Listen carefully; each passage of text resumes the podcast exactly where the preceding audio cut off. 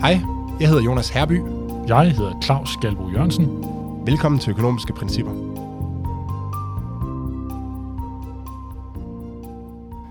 Claus, andet afsnit af Økonomiske Principper, øh, som faktisk har skiftet navn fra Økonomisk Indsigt, som vi kaldte det første afsnit, til Økonomiske Principper, som jo i virkeligheden er det, vi gerne øh, vil tale om.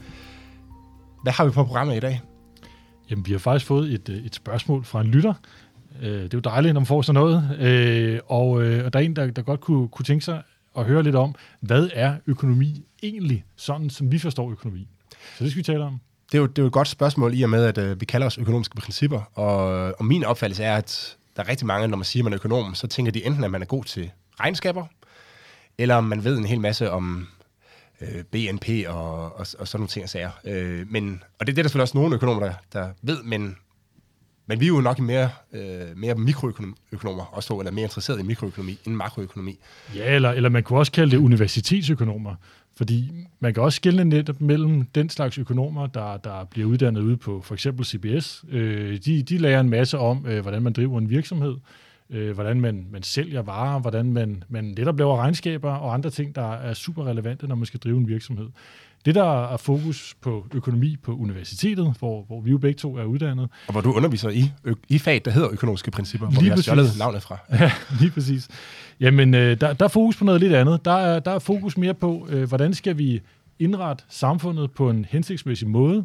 Hvordan skal vi indrette vores økonomi på en hensigtsmæssig måde, så vi, øh, vi alle sammen virkelig bliver så glade som muligt? Og med økonomi, så tænker folk jo igen, at det handler om øh, altså ting, hvor man betaler øh, for noget. Men det, er, men det er jo ikke kun det, det i virkeligheden handler om. Der er også masser af, altså når vi tænker økonomi, er det jo, omfatter det jo også civilsamfundet, øh, og den måde, man hjælper hinanden på og sådan noget. Øh, og hvad der er, der driver det er selvfølgelig nogle gange det er jo svært at styre rent politisk, men, øh, men det er også nogle af de ting, man interesserer sig for. Øh, der er jo en meget kendt økonom, som også har fået øh, Nobelprisen, som er lige kommet til ham nu, øh, Gary Becker, som jeg har skrevet, altså lavet utrolig meget om alle mulige ting, som folk ikke normalt ville opfattes som økonomi. Altså hvordan man finder en, øh, en partner, øh, hvorfor, man, hvorfor nogen kan lide at lytte til klassisk musik i stedet for, øh, i stedet for pop, og, og så videre, så videre. Så, så økonomi handler jo også rigtig meget om at forstå menneskers adfærd. Øh, altså ikke den konkrete person, det er jo ikke psykologi, men, øh, men altså, men, men det gennemsnitlige menneske, eller man skal sige, øh, sige adfærd. Ja.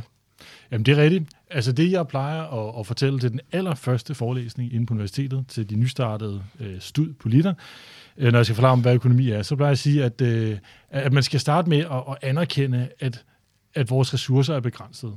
Vi, vi, vi kan ikke alt det, vi gerne vil. Og den allervigtigste ressource, som er begrænset, som vi har, det er vores tid. Øh, så hvordan, øh, så, så det økonomi handler om, det er, når, når vi anerkender, at, at vores ressourcer er begrænsede, hvordan udnytter vi så, eller bruger, anvender vi de ressourcer bedst muligt, så vi i virkeligheden får øh, det bedst mulige liv. Øh, ikke bare for os selv, men, øh, men også for, for, for hele samfundet. Jeg plejer at sige, at tid er den eneste ressource, hvor vi kan dokumentere, at rigtig, rigtig mange mennesker er løbet tør for den før eller siden. øh, vi har aldrig løbet tør for nogen ressourcer som sådan, i den klassiske forstand, at der overhovedet ikke er flere ressourcer på, på jorden. Der er nogen, der har været så langt væk, at vi ikke har givet at bruge dem mere, eller vi har fået en teknik, som har gjort, at de ikke har været lige så gode som den nye teknik, for eksempel flintesten. Øh, der er jo masser af flintesten stadigvæk, men vi fandt på en bedre teknik. Men vi løber alle sammen før eller siden tør for tid. Ja, det, det, det er fuldstændig rigtigt. Det er den ultimative knappe ressource, som vi skal tænke os rigtig godt om, hvordan vi bruger. Det er der også skrevet mange, øh, mange gode sange om. hvad, hvad er de, øh, kan du forklare lidt om, hvad er de, hvad er de grundlæggende altså, hvad skal man sige, sådan, antagelser i økonomi?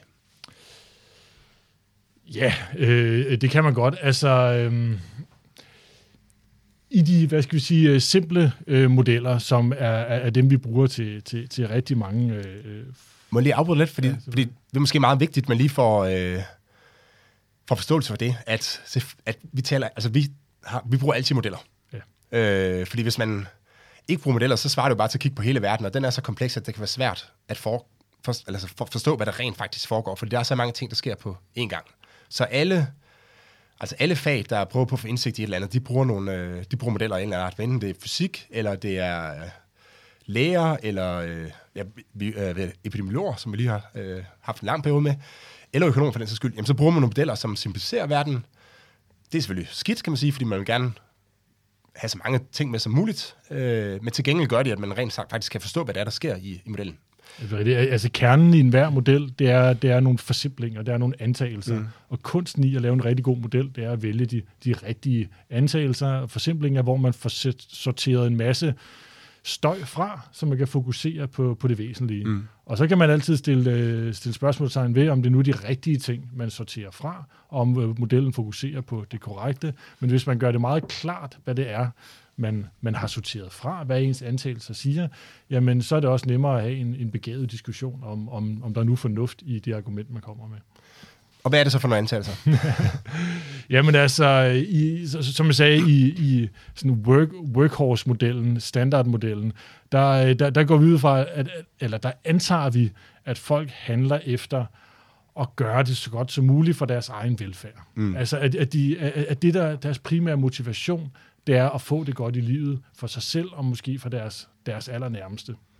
Øh, og, og, og, og, og den model har en, en række styrker, nemlig at, øh, at, at med lidt flere antagelser ovenpå det også, så kan vi komme med nogle ret klare forudsigelser om, hvordan folk vil reagere på forskellige øh, stimuli, man bliver udsat for. For eksempel højere priser, for eksempel nogle nye regler om et eller andet, så kan vi komme med nogle relativt klare forudsigelser om, hvordan folk vil reagere. Og der er også øh, forudsigelser, som man kan gå ud og så teste empirisk bagefter og sige, hvad sker der, hvis vi hæver prisen på, hvis vi fordobler prisen på brød, jamen så vil sådan en simpel model komme frem til så vil folk købe mindre brød. Ja. Og det vil også det, man øh, typisk ser, nu lige ser ud i, øh, ude i virkeligheden, at, at folk vil købe mindre af, det, af, af en vare, hvis man lige pludselig fordobler prisen på, øh, på den vare. Lige præcis. Og så er der selvfølgelig nogle, nogle specielle tilfælde, hvor den her model er mindre god. Øh, og det kan være, at det kan handle om øh, øh, for, eksempel holdninger til, hvordan man skal, skal hjælpe hinanden, når der er krig eller hungersnød i verden, øh, så, så er den model ikke længere den bedste at arbejde med, og, og, og så skal man kigge på nogle andre forudsætninger, og det gør vi så. Mm. Det gør vi så. Ja, og det, jeg synes også, det er vigtigt at påpege, at vi, an, altså, vi antager ikke noget om resultaterne. Vi antager det her med, at folk de, de gerne vil være så glade som muligt, som er jo en rimelig antagelse. Så kan man selvfølgelig godt pege på nogle personer, som, hvor man tænker, at de gjorde måske noget, som ikke nødvendigvis gør dem øh, glade, eller de har så mange problemer, så, så vi ikke tror, at de kan tage vare om sig selv og sådan noget. Men i det store gennemsnit, der, øh, der er det ikke en meget skarp, streng antagelse at antage, at folk gerne vil gøre, det, gøre deres liv så godt for dem selv som, og deres nærmeste, som, som de ønsker, øh, eller som de, som de kan. Og så er det selvfølgelig den her antagelse, eller man skal sige, realitet, at der er begrænsede øh, ressourcer, så man kan ikke bare købe uendelig mange ferier og øh, uendelig mange øh, citronmander, man nu har lyst til. Men der er ligesom Nej, begrænset. Øh. Og, og hvis vi skal vende lidt tilbage til det oprindelige spørgsmål, hvad, hvad er økonomi, så, så, så, så kredser det her rigtig meget om det. Ikke? At hvor man igen Øh, nogle typer økonomer, altså de her økonomer, der for eksempel bliver uddannet på, på CBS eller, eller, eller andre handelsskoler, jamen øh, deres fokus det er simpelthen, hvordan får vi indrettet en virksomhed på en måde, så, øh, så, så den, den er mest muligt effektiv, så, så man tjener flest mulige penge, så man laver nogle gode produkter og får solgt til nogle folk øh, og nogle kunder, øh, som, som bliver glade for at købe de her produkter og derfor kommer igen. Øh, hvor vi øh, universitetsuddannede økonomer øh, som udgangspunkt ser det på lidt anden måde. Vi ser altså på det her lidt bredere spørgsmål om, jamen, hvordan indretter vi samfundet på en, på, på en fornuftig måde. Og det, og, og det er simpelthen... Øh, det, det, det er et, et andet mindset, øh, man arbejder med der, og med nogle, i virkeligheden nogle bredere spørgsmål, mm. øhm, så, så, som jeg synes er, er vanvittigt interessant. Ja, nu har vi ikke tid til at gå igennem en hel uh, universitetsuddannelse her, men, øh, men pointen er jo, at man kan så udvide de her altså helt grundlæggende modeller, hvor man ligesom ser på, hvordan træffer den enkelte person øh, valg. Og så kan man øh, udvide med sig, hvad sker der så, hvis den person for eksempel træffer valg, som påvirker andre.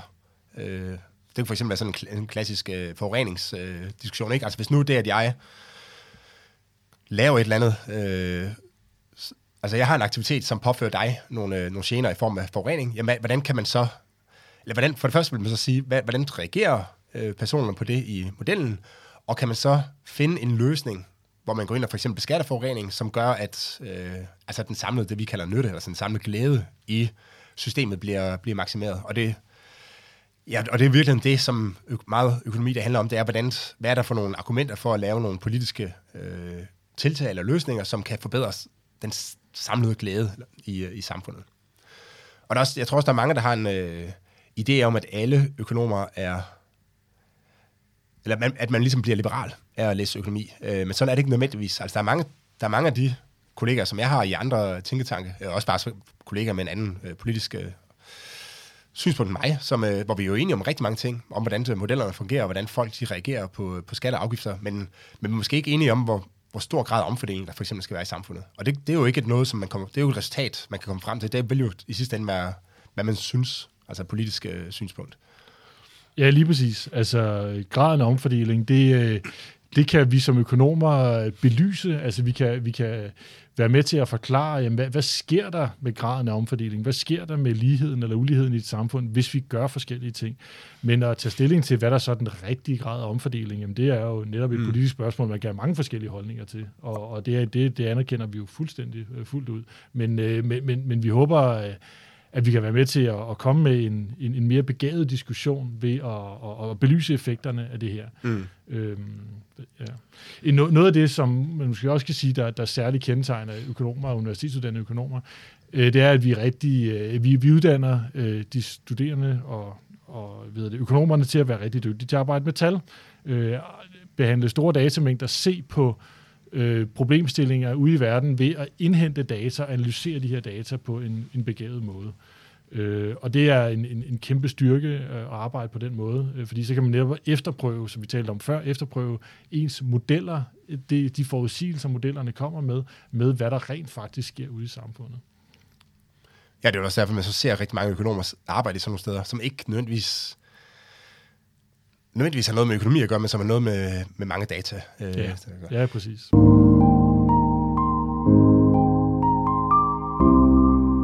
Claus, vi skal også nå et, øh, et, et mindre emne igen øh, mere, inden vi springer videre til dagens hovedemne. Øh, på det seneste, der har der været meget snak om inflation øh, og stigende priser, og øh, i går der ringede jeg til Andreas Steno, som har et podcast, der hedder The Macro Trading Floor, øh, som er tidligere chefstrateg i Nordea Markets, for at få en lille snak med ham om, hvad det er, der, der driver prisstigningen. Fordi der er jo nogen... Der er en... Der, der er nogle historier om, at øh, det skyldes krigen i, øh, i, i Rusland, øh, og den, kommer, den vil helt sikkert også komme til at påvirke inflationen. Mm. Det kan lige sige, at jeg, jeg, vores tekniker er her ikke i dag, så jeg ikke kunne få et klip med fra, øh, fra min samtale med øh, Andreas, men øh, hvis man gerne vil høre det, så, kan man, så ligger det i slutningen af vores øh, optagelse her. Men helt grundlæggende, hvad er inflation? Ja, inflation, det er jo, når, når priserne generelt stiger. Ikke når der er en pris, der stiger, og andre er uændrede, eller en pris, der stiger, og nogle andre, der falder. Men, men når, når priserne generelt i samfundet stiger, hvilket betyder, at man kan sige, købekraften af en given indkomst målt i kroner og øre, at den, den bliver mindre. At vi får simpelthen mindre generelt for vores penge. Mm. Så, så inflation, det er generelle brede prisstigninger, som rammer hele økonomien bredt. Ja, en, øh, en meget, meget forsimplet måde at opfatte på, det er at sige, hvis, øh, altså hvis der er, vi, har en, vi sidder her med fire kopper på, øh, tre kopper på bordet. Øh, hvis der var 30 kroner i den her økonomi, så ville hver kop øh, have en pris på, 30, på 10 kroner. Ja, hvis man kunne købe, købe kopper. Hvis der kun var kopper i økonomien. ja. øh, men hvis vi så smed 60 kroner i økonomien, altså dobbelt så mange penge, jamen så vil, så vil det jo ikke være flere kopper at købe. Øh, så, så prisen på hver kop vil i virkeligheden bare øh, stige til det dobbelte. Og det er jo, det er jo sådan kernedefinitionen af inflation, det er, når der, der er simpelthen for, for mange penge i forhold til, til, til mængden af goder i økonomien, og det vil så føre til et uh, stigende pres på grund af, ja, på grund af de økonomiske uh, mekanismer, kan man sige. Ikke? Ja, lige præcis. Ja, ja fordi vi jo, vi jo alle sammen set, øh, hvordan priserne har udviklet sig. Hvis der er nogen, øh, der får opvarmet deres hus med gas, det gør jeg selv, øh, og, og har fået gasregninger for nylig, så kan man jo godt se, at priserne er steget rigtig, rigtig, rigtig meget på, på sådan noget som gas og benzin og energi og visse fødevarer osv. Øh, er, er jo også begyndt at mm. stige mm. rigtig, rigtig meget i, i pris. Og det er altså ikke småting, vi uh, taler om. Uh, jeg, jeg kigger lige på de inflationsdata, der ligger på Danmarks Statistik. Uh, og tilbage i 2008 havde vi faktisk en, relativ, en periode med relativt høj inflation, hvor vi var omkring de samme øh, rater som nu, men der var vi vant til at have en inflation, som lå omkring 2-3 procent øh, om året i de, i de 10 år, der gik før den øh, tid. Men de seneste 10 år har vi faktisk haft en inflation, som ligger omkring 1 procent. Altså en relativt lav inflation. Øh, og nu det sidste år har vi haft en stigning på 5 procent i, øh, i priserne, og det er altså rigtig, rigtig øh, meget i forhold til, hvad vi har været øh, vant til. Ja, og det er set over et helt år, ikke? Det er ikke bare ja. en måned, at det så at sige er stedet svarende til, til... Det er priserne i øh, februar 2022 sammenlignet med priserne i februar 2021, så det er i forhold til året før, ja. Og det er jo hæftigt, hvis man øh, sidder som lønmodtager og har fået en, en overenskomstmæssig lønstigning på, lad os sige, 2%, så er det jo voldsomt, når, når, når priserne generelt stiger med 5%. Præcis. Øh, det skal også siges, at en stor del af det her, det skyldes øh, stigende, stigende energipriser øh, og fødevarepriser. Øh, hvis man tager det ud, så er prisstigningen kun øh, 3%, men det er jo Altså, det er, jo, det, er jo, det er jo noget, man kan gøre for at forstå, hvorfor prisstigningerne øh, kommer, men, men i sidste ende, så er det jo lige meget for pengepunkten, hvorfor, øh, hvorfor priserne er stedet. Ja, og, og man kan sige, det eksempel, som du kommer med her, du siger, at energipriserne, eller samlet set er inflationen steget med 5%, og, og uden energi, så er det steget med 2%. Det, det i virkeligheden fortæller, det er jo, at, at energipriserne er steget rigtig meget, mm. øh, og, og dermed er energi jo blevet dyrere i forhold til, til andre varer i samfundet. Men, men generelt er priserne også steget, altså også uden for, for, for, for, for lige øh, benzin og, og gas og olie osv., der, der er priserne helt generelt også steget. Også ud over, hvad der måtte være drevet af, at man skal bruge benzin til at mm. lave en, noget plastik for eksempel, øh, eller man skal bruge olie i hvert fald til at lave plastik. Det jeg snakker om med Andreas, det var, for lige at summere det meget kort, det han siger, at der er egentlig tre grunde til, at priserne er steget. Den ene er den her klassiske inflation, altså at der er simpelthen blevet sædpressen har kørt under coronapandemien, så, så der kommer flere, man har sprøjtet flere penge ud i samfundet, og det mm. fører til stigende priser. Og uden at lige kunne tallene i hovedet, så ved jeg, det, det er meget værre i, øh, i USA, så er de meget højere øh, inflationsrater. Og hvor man jo også har haft en voldsom ekspansiv øh, pengepolitik. Lige præcis. Øh, så en anden grund til, at man ser stigende priser, er, at der er nogle problemer med forsyningskæden. Øh, nu har Kina lige lukket ned, øh, Shanghai, så vidt jeg husker, øh, på grund af corona, og når man lukker ned, så, så opstår der simpelthen problemer i forsyningskæden, fordi så er der nogen, der kommer til at mangle de ting, de skulle have haft. Og, øh, og så, og, så når der står mangel, jamen så, øh, så stiger prisen på de ting, der er mangel på, og det vil, jo, det vil forbrugerne så se som, øh, som stigende priser. Og det sidste, der så er nok kommer til at ske, det er, at nu der kommer den krig her, men det er altså det er noget, der kommer ud over det her, for det, her, det, er, jo, det er jo februarpriser, vi har siddet og snakket om. Og der var krigen ikke for alvor startet nu i øh, Ukraine. Den starter først. Ikke startet. Nej, den starter vist 25. Øh, februar eller sådan noget, ikke? Så medmindre der er sket noget meget alvorligt de sidste 3-4 dage af februar, så, så var den ikke startet, nej. Øh, så der kan komme noget ekstra oven i det her, øh, når, vi får, når vi får nye data. Men hvor meget det er, det må, det må tiden jo vise.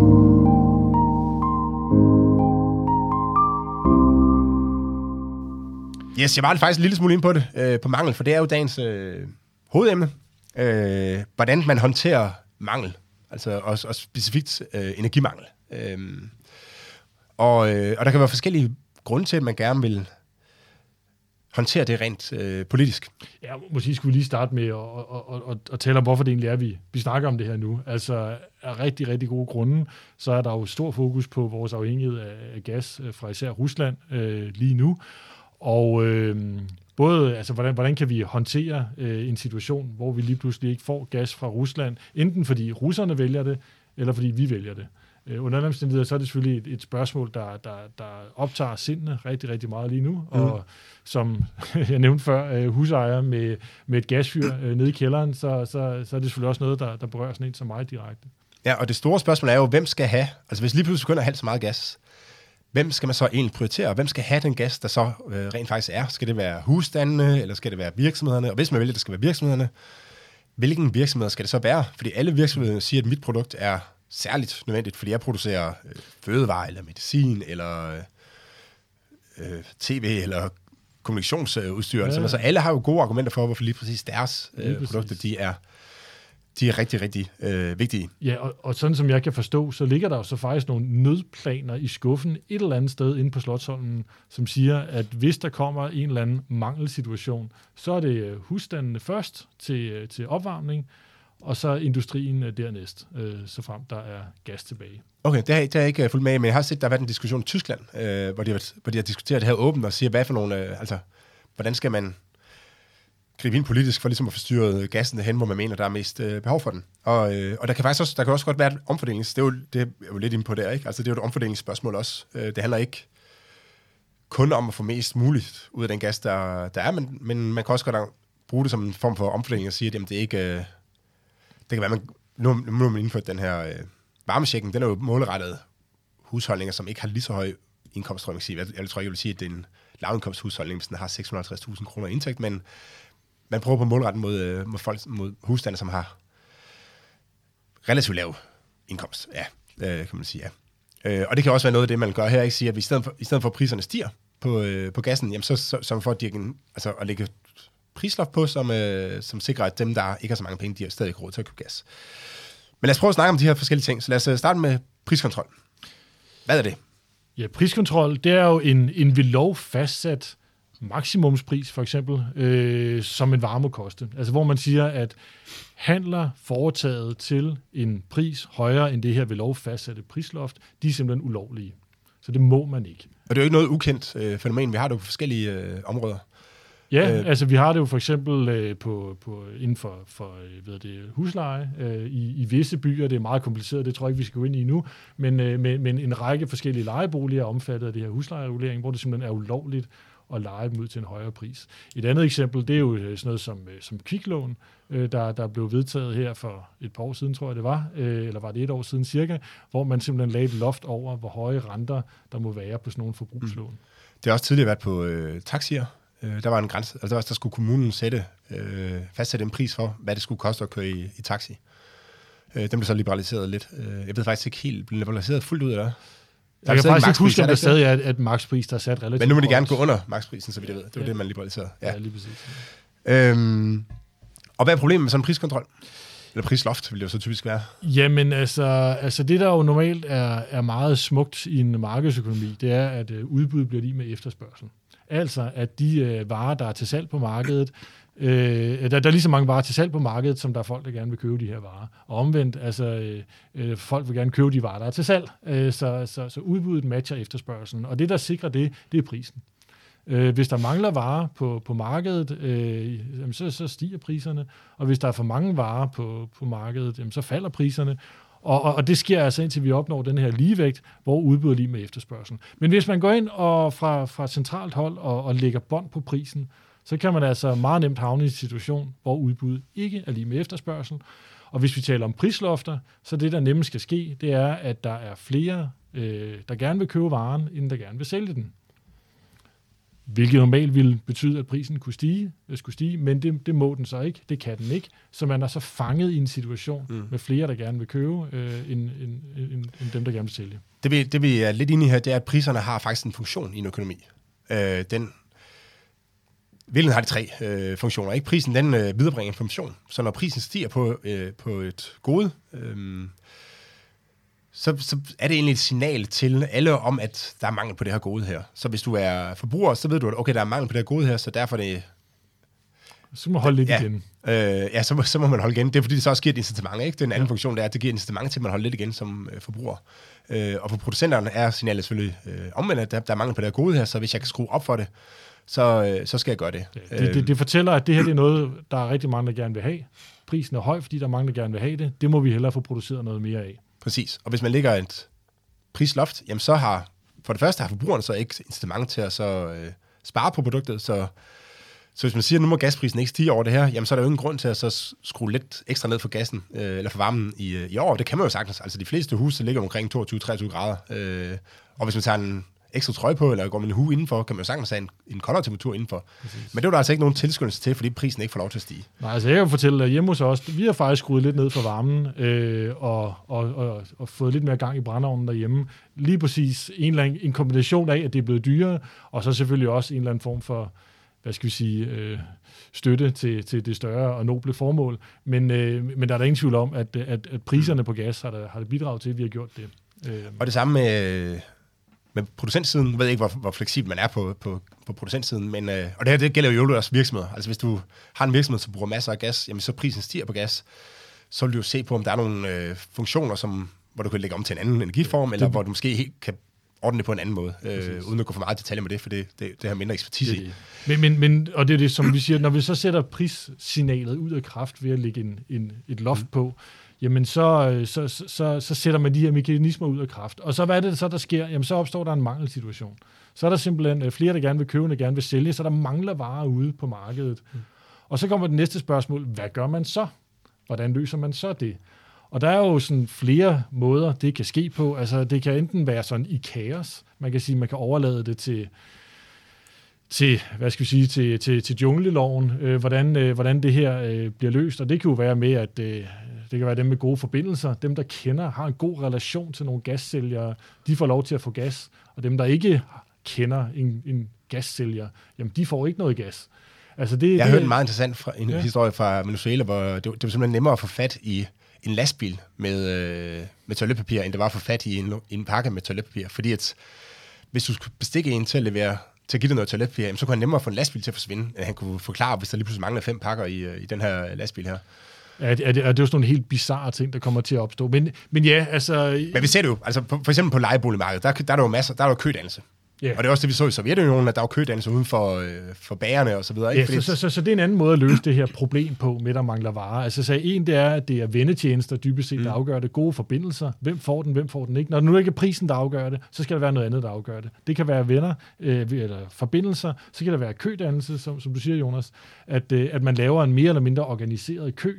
Øh, på nogle områder har man meget organiseret kødannelse. Det kunne være på, øh, hvad hedder det... Øh, øh, ja, gode eksempler på det, det kunne være, at nogle kolonihaveforeninger for eksempel har sådan nogle meget øh, udviklede øh, køsystemer til det, og det kan også være nogle lejeboligforeninger, hvor man mm. kan skrives op, når, når man bliver født, og så videre. Øhm, men ja, kødannelse, øhm, og så kan der jo endelig være det, øh, at der simpelthen bare kan være noget tilfældighed ved det.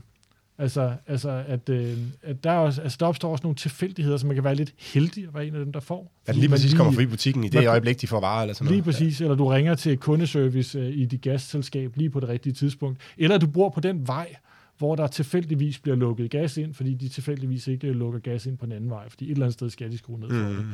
det. Øhm. Og det kan også være organiseret, som man simpelthen trækker lod, altså sige, at, eller ja, ja. altså man laver en organiseret løsning, hvor man, øh, hvor man trækker lod. Øh, og så kan man lave nogle øh, restriktioner, og nu nærmer vi os lidt øh, fejlskud for dagens øh, afsnit, fordi man kan jo godt, man kan så gå ind og så sige, at nu, nu, nu kan være borger maks købe, hvis der er bære eksemplet, hvis der er en øh, maksgrænse på, på brød, jamen, så kan hver borger maks købe øh, et kilo brød ad gangen, for eksempel, ikke? Øh, for ligesom at få, få dæmpet efterspørgselen, at forsøge at dæmpe efterspørgselen, sådan at, øh, sådan at der er brød nok til alle med de her, eller hvad skal jeg sige, nu sætter jeg lidt i, i anfølgelsestegn, øh, selvom man har den her, øh, den her priskontrol.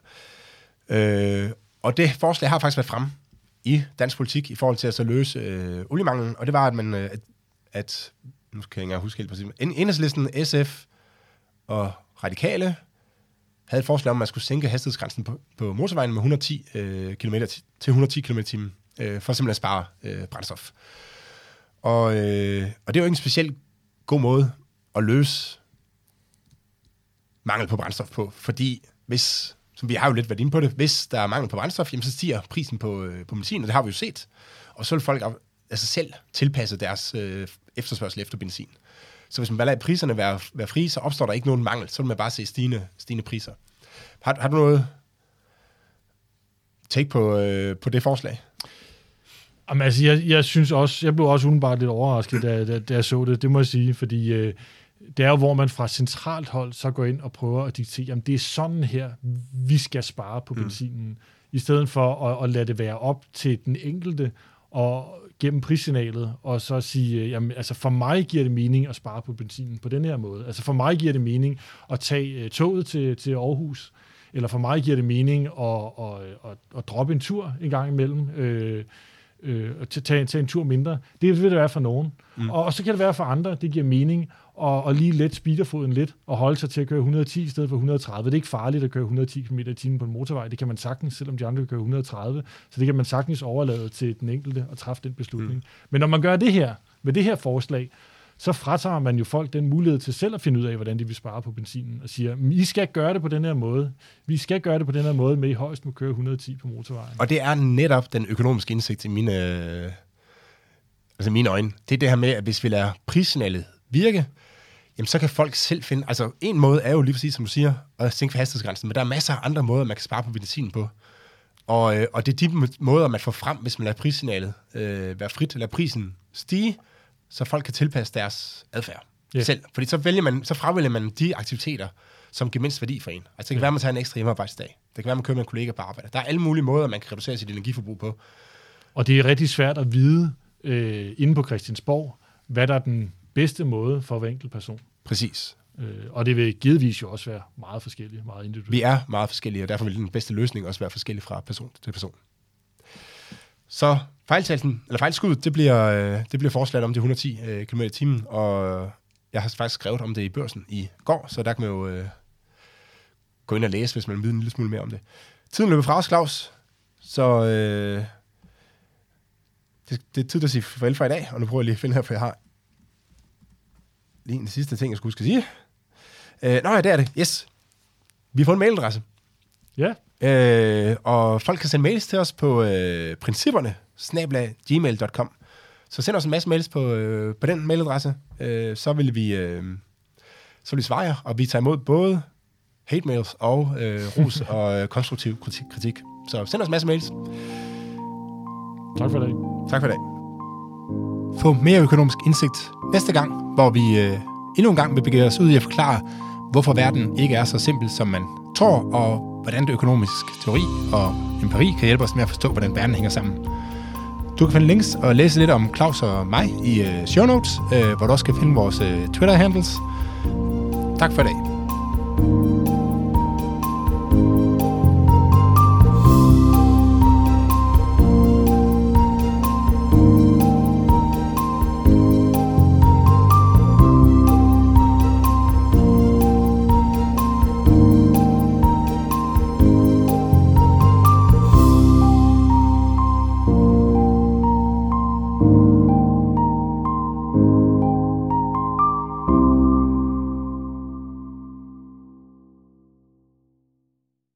Og så er det som lovet tid til interviewet med Andreas Steno. God fornøjelse. Hej Andreas, tak fordi du vil øh, deltage lidt og, Selv tak, og hjælpe os lidt på vej med at forstå, øh, hvorfor priserne stiger. Andreas, til, til, kan du ikke lige kort introducere dig selv, øh, og måske også dit eget podcast? Jo, det vil jeg meget gerne. Øh, jeg øh, arbejder som cheføkonom for Heimstaden, som er et boligselskab. Jeg har baggrund i bankverdenen, hvor jeg har været i, i 10 år. Arbejdet masser med inflation og laver inflationsprognoser i min dagligdag, så jeg er meget nede i detaljen på, hvilke priser som forbrugeren oplever og hvorfor.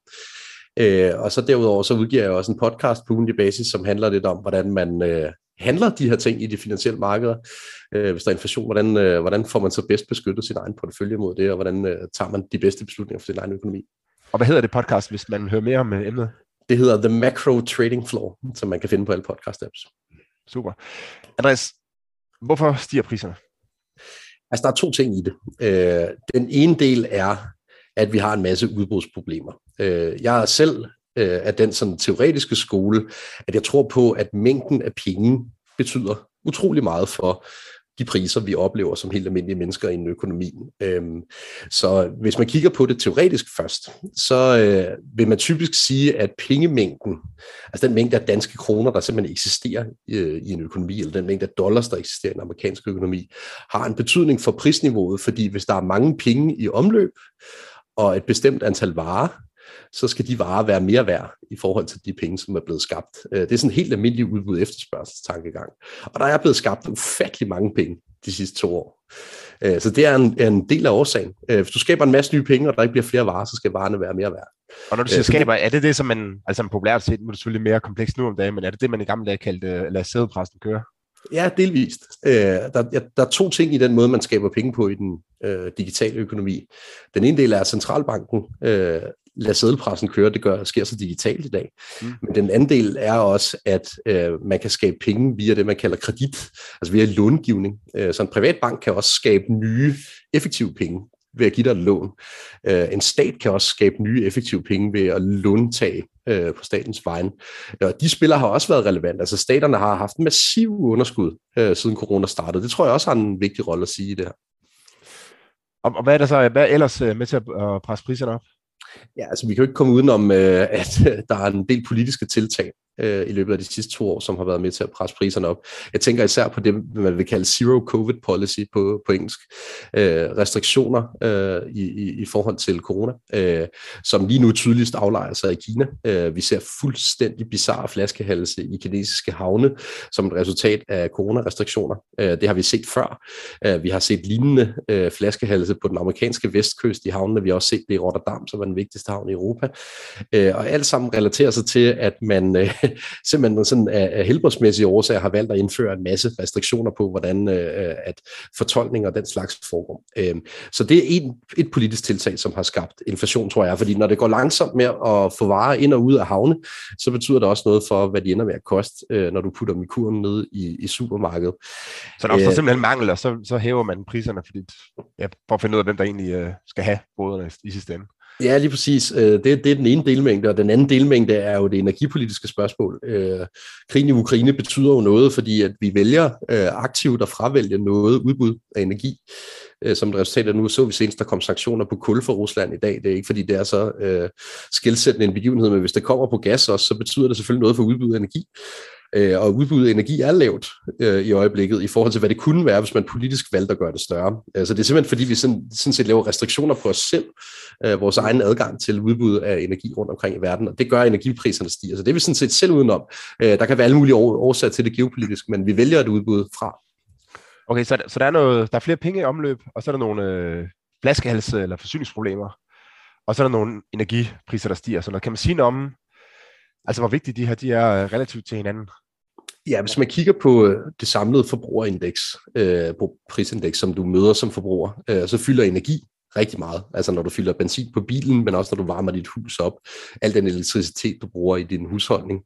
Øh, og det er lidt afhængigt af, hvor vi kigger hen i Vesten, så fylder det i hvert fald 25 procent af, af din samlede øh, forbrug på, på årsplan. Så er der fødevare. Fødevare er ekstremt relateret til energipriser. Øh, og det forholder sig blandt andet sådan, at øh, gødning, øh, det er blandt andet udledt af, af naturgas. Øh, så det vil sige, at når energipriser stiger, så stiger øh, gødningspriser også, så stiger øh, ultimativt også dine fødevarepriser. Øh, så der har vi også klare eksempler på, øh, på fødevarer, der stiger helt vildt i pris i øjeblikket, mm. som et resultat af vores energipolitik. Det hjælper nok heller ikke, at det lige præcis er Ukraine og Rusland, som er store eksportører. Nej, nej. Ved, nej. Ja, lige præcis. Hvedeproduktionen er jo øh, kæmpestor i, i de lande. Øhm, og så øh, er det jo øh, sådan, at fødevarer fylder nu 10 procent øh, af din øh, forbrugerkur også, som, som helt almindelige dansker. Så der har vi bare på de to parametre fyldt øh, er næsten 40 procent af din samlede forbrugskurve op. Ikke? Øh, ja. så, så alene det er meget. Og så har vi underliggende prispres på alt, som et resultat af den her øh, voldsomme forøgelse af pengemængden, som vi har set, både på grund af centralbankers politik, men også på grund af de offentlige gældsætninger. Jeg, jeg, jeg så i, øh, i dag, at nettoprisindekset, det var frem til februar, var steget med, jeg tror det var 5, eller andet, 5,6 procent måske, siden, ja. øh, på, et, på et år.